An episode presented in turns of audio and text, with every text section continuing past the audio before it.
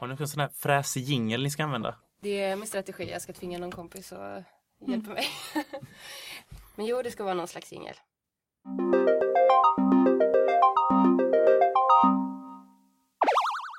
Det här är Studentkvarten, podden för dig som är nyfiken på studier och har en kvart över att lära dig något nytt på. Jag heter Louise Larsson och idag ska vi ta reda på om fantasivärldar kan lära oss något om verkligheten. Dagens samtal kretsar kring tre olika fantastikbokserier och tanken är att vi ska tala om uppror, sympati och såklart ondska.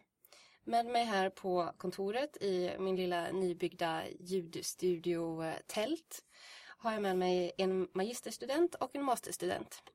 Ska vi börja med att ni presenterar er med vilka ni är och vad ni gör till vardags? Eh, jag heter Emma Andersson. Jag läser min master i etik just nu och eh, skriver uppsats parallellt med att jag läser en kurs i praktisk filosofi. Och jag har även skrivit två egna ungdomsböcker i fantasygenren. Och jag heter Johan Kullenbok. Jag läser just nu masterprogram i litteraturvetenskap och skriver min magister. Har tidigare skrivit i barnlitteraturvetenskap. Tack så mycket. Jättevälkomna hit. Tack. Jag känner att det redan börjar bli lite varmt i det här fältet. ja, det, det är mysigt. Det är mysigt. Precis. Bra. Ni båda delar ett intresse för fantastiska världar. Jag tänkte höra, vad, vad är det som tilltalar er med det och hur har ni lyckats få med er intresset in i universitetsvärlden i era studier? Uh, jag, man tillhör ju Harry Potter-generationen. Så jag tror att det var typ inkörsporten, Harry Potter och Narnia för mig i alla fall. Eh, så det började där och sen så bara spårade ur höll jag på att säga, men det bara fortsatte liksom. Så att det blev ganska självklart att, att eh, jag fortsatte läsa det vad gäller universitetet så de var li, höjde lite på ögonbrynen när jag pratade Aha. om mitt universitetsämne. Men, eh, men de liksom, ju mer jag förklarade sen, de, de, seminarierna blev bättre och bättre. De, de var lite skeptiska i början men, eh, men sen så såg de väl poängen. Så. Och du då Johan? Ja, jag tänker att ja, men också Harry Potter-generationen mm. är väl inkörsporten någonstans. Sen så det är så lätt liksom världen i sig är lite grå och tråkig och så är det lätt att hitta mm. de här fantasivärldarna som är lite allting är större och häftigare och man vill gärna fly iväg dit så då blir det att, eller för mig blir det att fortsätta läsa det och sen eh, just när man läser, jag läst barn och ungdomslitteraturvetenskap och då, då blir det väldigt mycket fokus på det som barn och unga läser.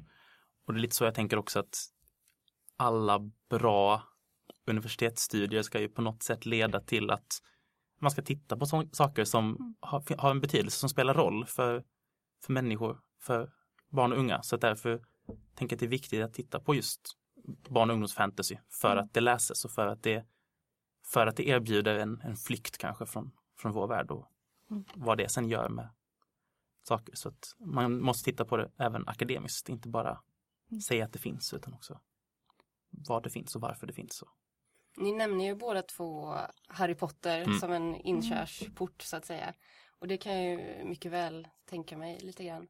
Men då när det blev dags för er att skriva uppsats, det var ju i och för sig då ett tag sedan ni skrev de här uppsatserna. Mm. Men då hade ni båda två utgångspunkt i olika bokserier som dock inte var Harry Potter utan det var lite, lite, ja inte mörkare historier för Harry Potter kan ju också vara ganska mörkt men vad, vad utgick ni ifrån för böcker och vad var det ni ville ta reda på? Jag skrev om eh, Hunger Games. Det var strax efter att den första filmen hade kommit ut. Och då tittade jag på, jag tog en rysk teoretiker som har skrivit mycket om karneval och folkets sätt att eh, göra uppror mot makten genom att på något sätt göra, att löjliggöra makten, att skämta och driva med makten. Och hade jag tidigare sett på teoretiken på ett ställe och läst böckerna för sig och sen så kom jag på att ja, men det här skulle man kunna kombinera. Och, så det var lite mer en, en så här ingivelse som bara fick det att det gifte sig där. Mm. Jag hade funderat väldigt länge på, jag skriver ju om, om eh, onda karaktärer och varför vi eh, fattar sympati för dem, eller det var min frågeställning om vi gör det.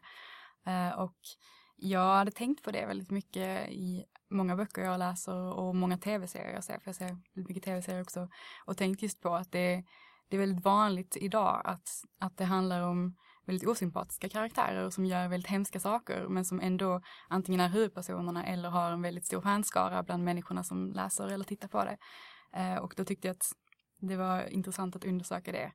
Och sen så hade jag sedan innan skrivit en B-uppsats i litteraturvetenskap om den första trilogin som jag skriver om, eh, Gemma Doyle av eh, Liva Beret. Eh, och den är en av mina favoritböcker liksom, så att då kände jag att den måste vara med på ett hörn eh, på ett eller annat sätt. Och sen så eh, ganska samtidigt som jag eh, började fundera på min uppsats så läste jag att det här är Murphys eh, böcker också där inte alla ens hade kommit ut ännu när jag började skriva. Ehm, och eh, kände också där, framförallt tänkte jag då på den manliga huvudkaraktären där som, för jag stötte på det på väldigt många fansidor att typ så här, alla pratade om den karaktären även om eh, och då tyckte jag det var väldigt intressant med tanke på att eh, så som han framställs i böckerna är han fruktansvärt osympatisk. Så jag tänkte att det, det måste jag kolla vidare på helt enkelt. Du resonerar ju ganska mycket i den här uppsatsen om just varför då mm. man eh, identifierar sig med eller känner sympati för de onda mm. hellre än de som är goda, de som egentligen ska vara hjälten som man förväntar sig på. Mm. Eh, och där hjälten ofta kanske är ganska perfekt eller duktig eller, eller liknande. Vad kom du fram till? Vad skulle du kunna säga? Varför gillar man the bad guy? Jag hade lite olika teorier bland annat var jag inne på lite identifikationstankar. Eh, eller så här att jag tror att, att vi är lite trötta på, eller det, det är svårt att leva upp till en perfekt hjälte. Eh, det är mycket enklare att känna igen eh, det lite nedriga i, i andra människor som beter sig illa för att vi har alla våra dåliga sidor som vi visserligen kanske inte visar öppet men som vi kanske önskar att vi kunde visa öppet ibland för att vissa saker önskar vi att vi bara kunde ge igen för eller, eller eh, sådär. Så jag tänker att det, det är lätt att identifiera sig eh, med någon som gör dumma saker ibland. För det, det skulle vara skönt om vi själva kunde göra det. Sen så eh, var jag också inne på två olika definitioner av ondska, för det är väldigt svårt att definiera ondska också överhuvudtaget. Och de två definitioner jag hade var väldigt vardagsrelaterade ändå. Alltså jag hade en som handlade just om att ondska är någonting, alltså är, är laster liksom i, som vi har i livet, att vi är egoistiska till exempel. Och det är väldigt många som kan känna igen sig i att man mm. gör inte alltid det som är bäst för, för alla utan man tänker ofta främst på sig själv. Eh, och det var ju någonting som jag såg väldigt tydligt i de här karaktärerna och som jag tänk, kan tänka mig att väldigt många ändå lockas av att för någon gång bara för att tänka på sig själv och inte bry sig om vad alla andra tycker eller vad de vill att man ska göra. Så, och sen så hade jag också Nietzsches tankar om att ondska är visserligen en destruktiv kraft men också en kraft som ger väldigt mycket kreativitet och, eh, och det, det, det fascineras jag också av för jag tror också att det som är farligt för oss eh, kan också vara bra om vi använder det på ett bra sätt. Jag kommer att tänka på att i, eh, i din uppsats Johan så beskriver du då som sagt att makten kan egentligen arrangera en typ av fester eller karnevalsstämning för att lite grann blidka sina mm. undersåtar.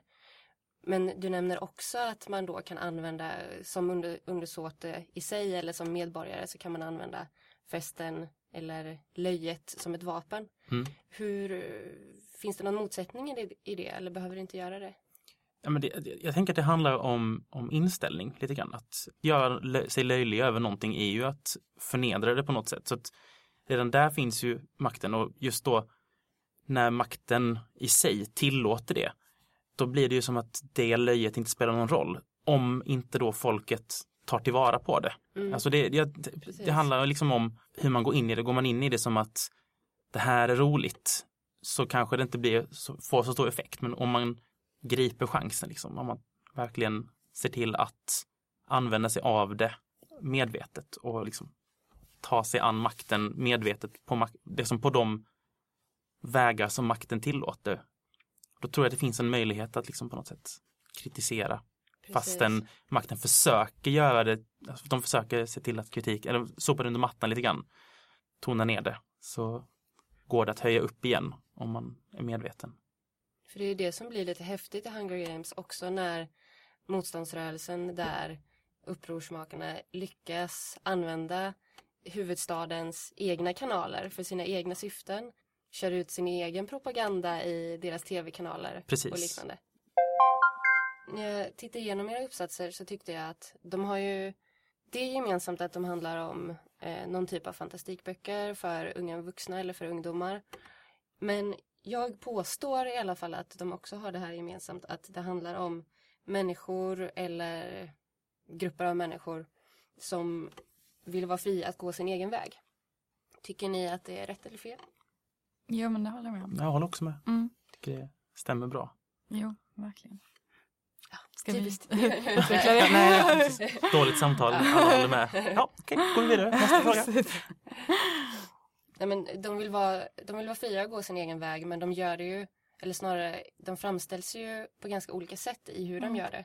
För att du och Emma har ju tittat då på de Ja, precis. onda personerna. Mm. Medan i Hunger Games så följer vi Katniss och, och de andra och de är ju, de är ju goda. Mm. Fast de gör ju också uppror mot liksom rådande normer och samhällssystem. Ja, precis. Men den ena får hjälte och de andra är ju egentligen ja, men förkastliga och Jo, men jag tycker det, det är alltså tydligt också vems ögon man tittar igenom. För att eh, hade vi till exempel läst Hunger Games genom president eh, Snows ögon så hade ju liksom Katniss varit den värsta, liksom, eh, hon sabbar för hela vårt land och liksom allting kommer att gå under på grund av henne och det hade ju säkerligen varit en helt annan eh, berättelse där vi nog inte alls hade fattat sympati för, för Katniss kan jag tänka mig. Så att det är ju väldigt, eh, det är väldigt viktigt också som sagt vem, vems perspektiv man läser ifrån. För det funderar jag också på om det då antagligen gör att man känner mer sympati, sympati för karaktärerna som du har beskrivit, bland annat eh, vad heter han, Warren? Eller Warner? Ja, ja Warner. Mm. Precis. Om man känner mer sympati för honom just för att man ibland mer eh, får följa med in i hans huvud och faktiskt Mm. se hans känslor. Mm. Medan som sagt President Snow, han är bara ond. Mm. Han är så... Ja. Eller?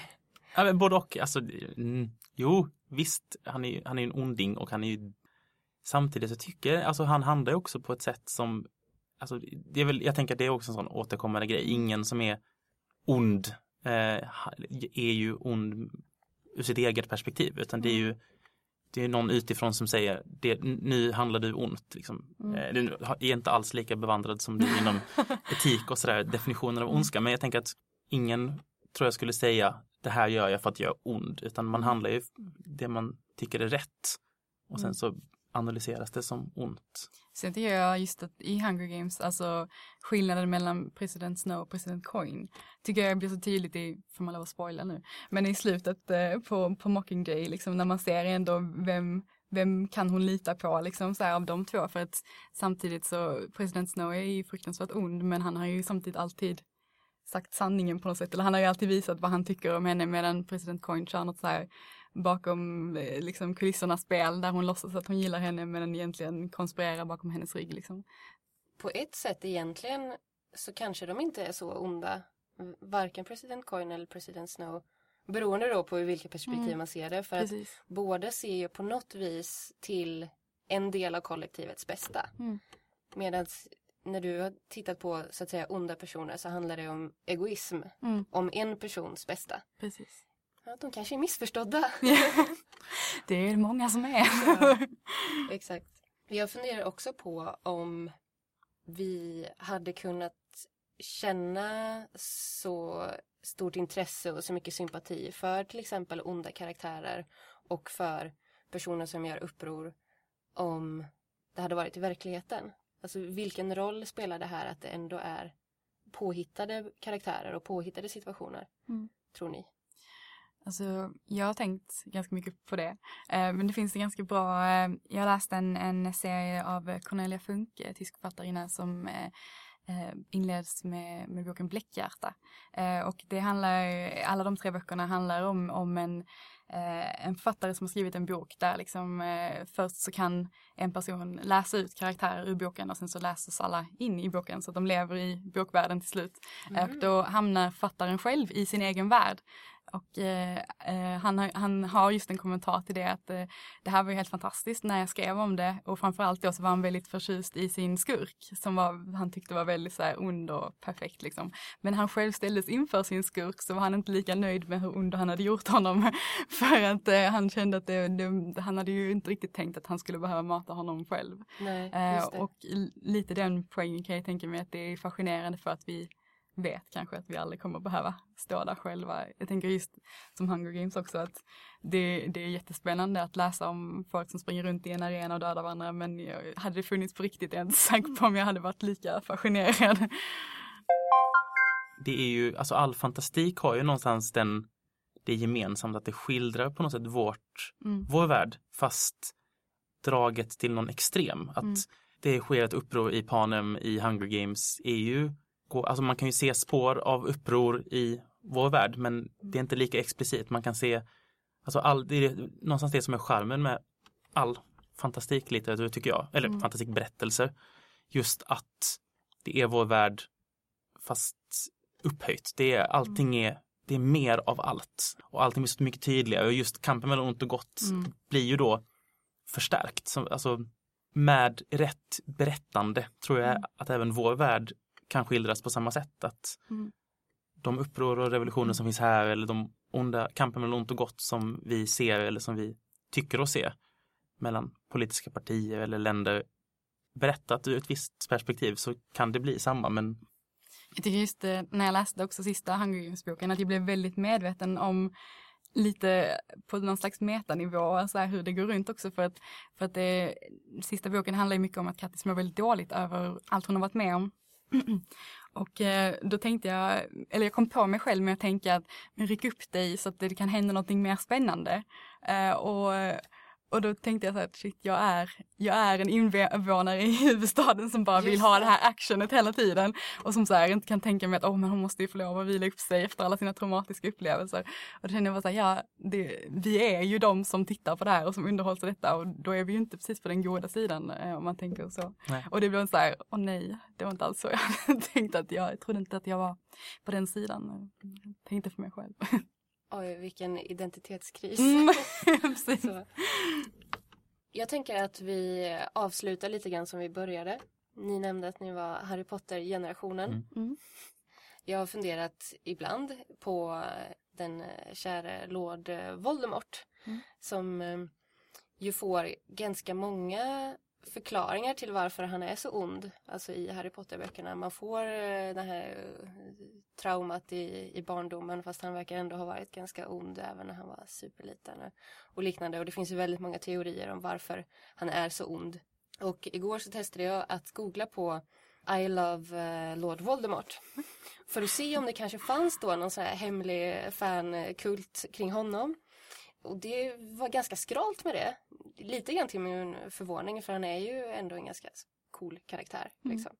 Um, det fanns en fanpage på uh, Facebook. Såklart.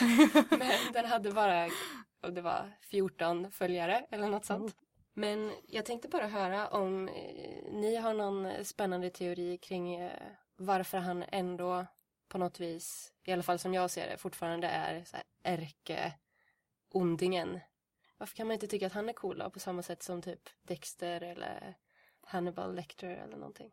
Jag tänker att, att han, att han, alltså så, att det är för att han är så pass superond. Eller så att han har verkligen, även om man tittar på hans tragiska barndom och, och sådär så, så finns det liksom en, man kan inte riktigt hitta någonting som gör att man, alltså som Alltså han, har, han visar aldrig någon, någon typ av känsla för någon annan eller han visar liksom, det finns liksom ingenting i hans karaktär som man kan, på något sätt kan fatta tycke för.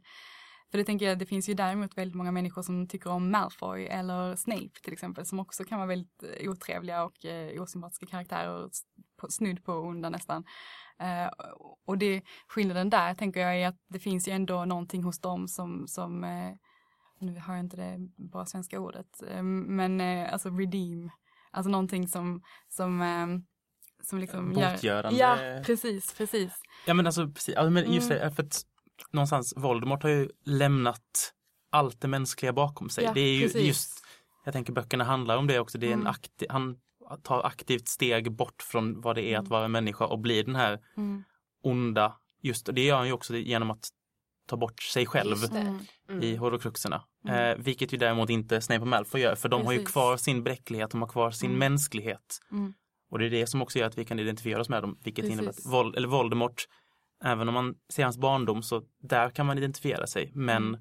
när han väl har lyckats bli det han har strävat efter så har han ingenting kvar som vi kan identifiera mm. oss med. han har ju mer blivit en symbol för ondskan än en människa liksom. Han är ju, Mm. han är ju som sagt inte människa längre Precis. i princip. Eh, Och det tänker jag att det, det är mänskligheten i, i en karaktär som tilltalar oss och inte alltid ondskan i sig liksom. Även om den kan vara intressant den också. Men jag tror att framförallt att, det att vi fattar, sympati för någon är att vi ser att det finns en människa bakom som också kan göra fel eller som också gör dumma saker. Eller som har motiverat sitt sätt Ja. att handla på. Precis. På Mm. något sätt. Mm. Även om vi inte håller med om sättet det är motiverat på så kan Mm. man ändå hitta Ja, för människor som till exempel dödar folk för att rädda sina familjer eller så här, det har vi mer förståelse för än någon som bara gör det för att, ja, för att, för ondskans skull på något sätt eller för att man liksom där, ja, det har vi mycket svårare att förstå liksom. Då tackar jag så mycket för att ni ville vara med. Sitta här i, i tältet. Ja, Prata. tack så mycket.